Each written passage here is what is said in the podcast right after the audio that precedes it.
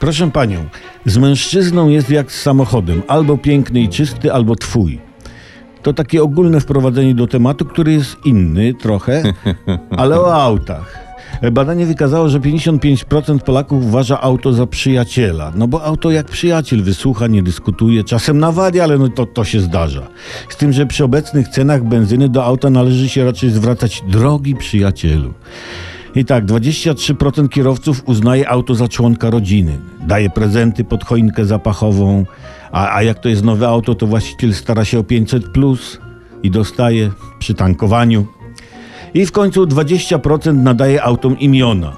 Ford Kazimierz, Toyota Janina.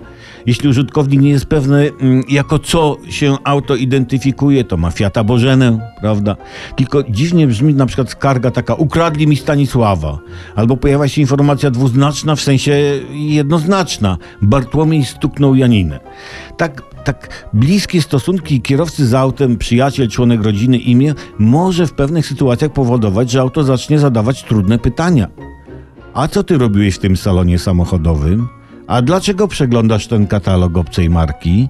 A dlaczego jechałeś tą obrzydliwą taksówką, a nie mną?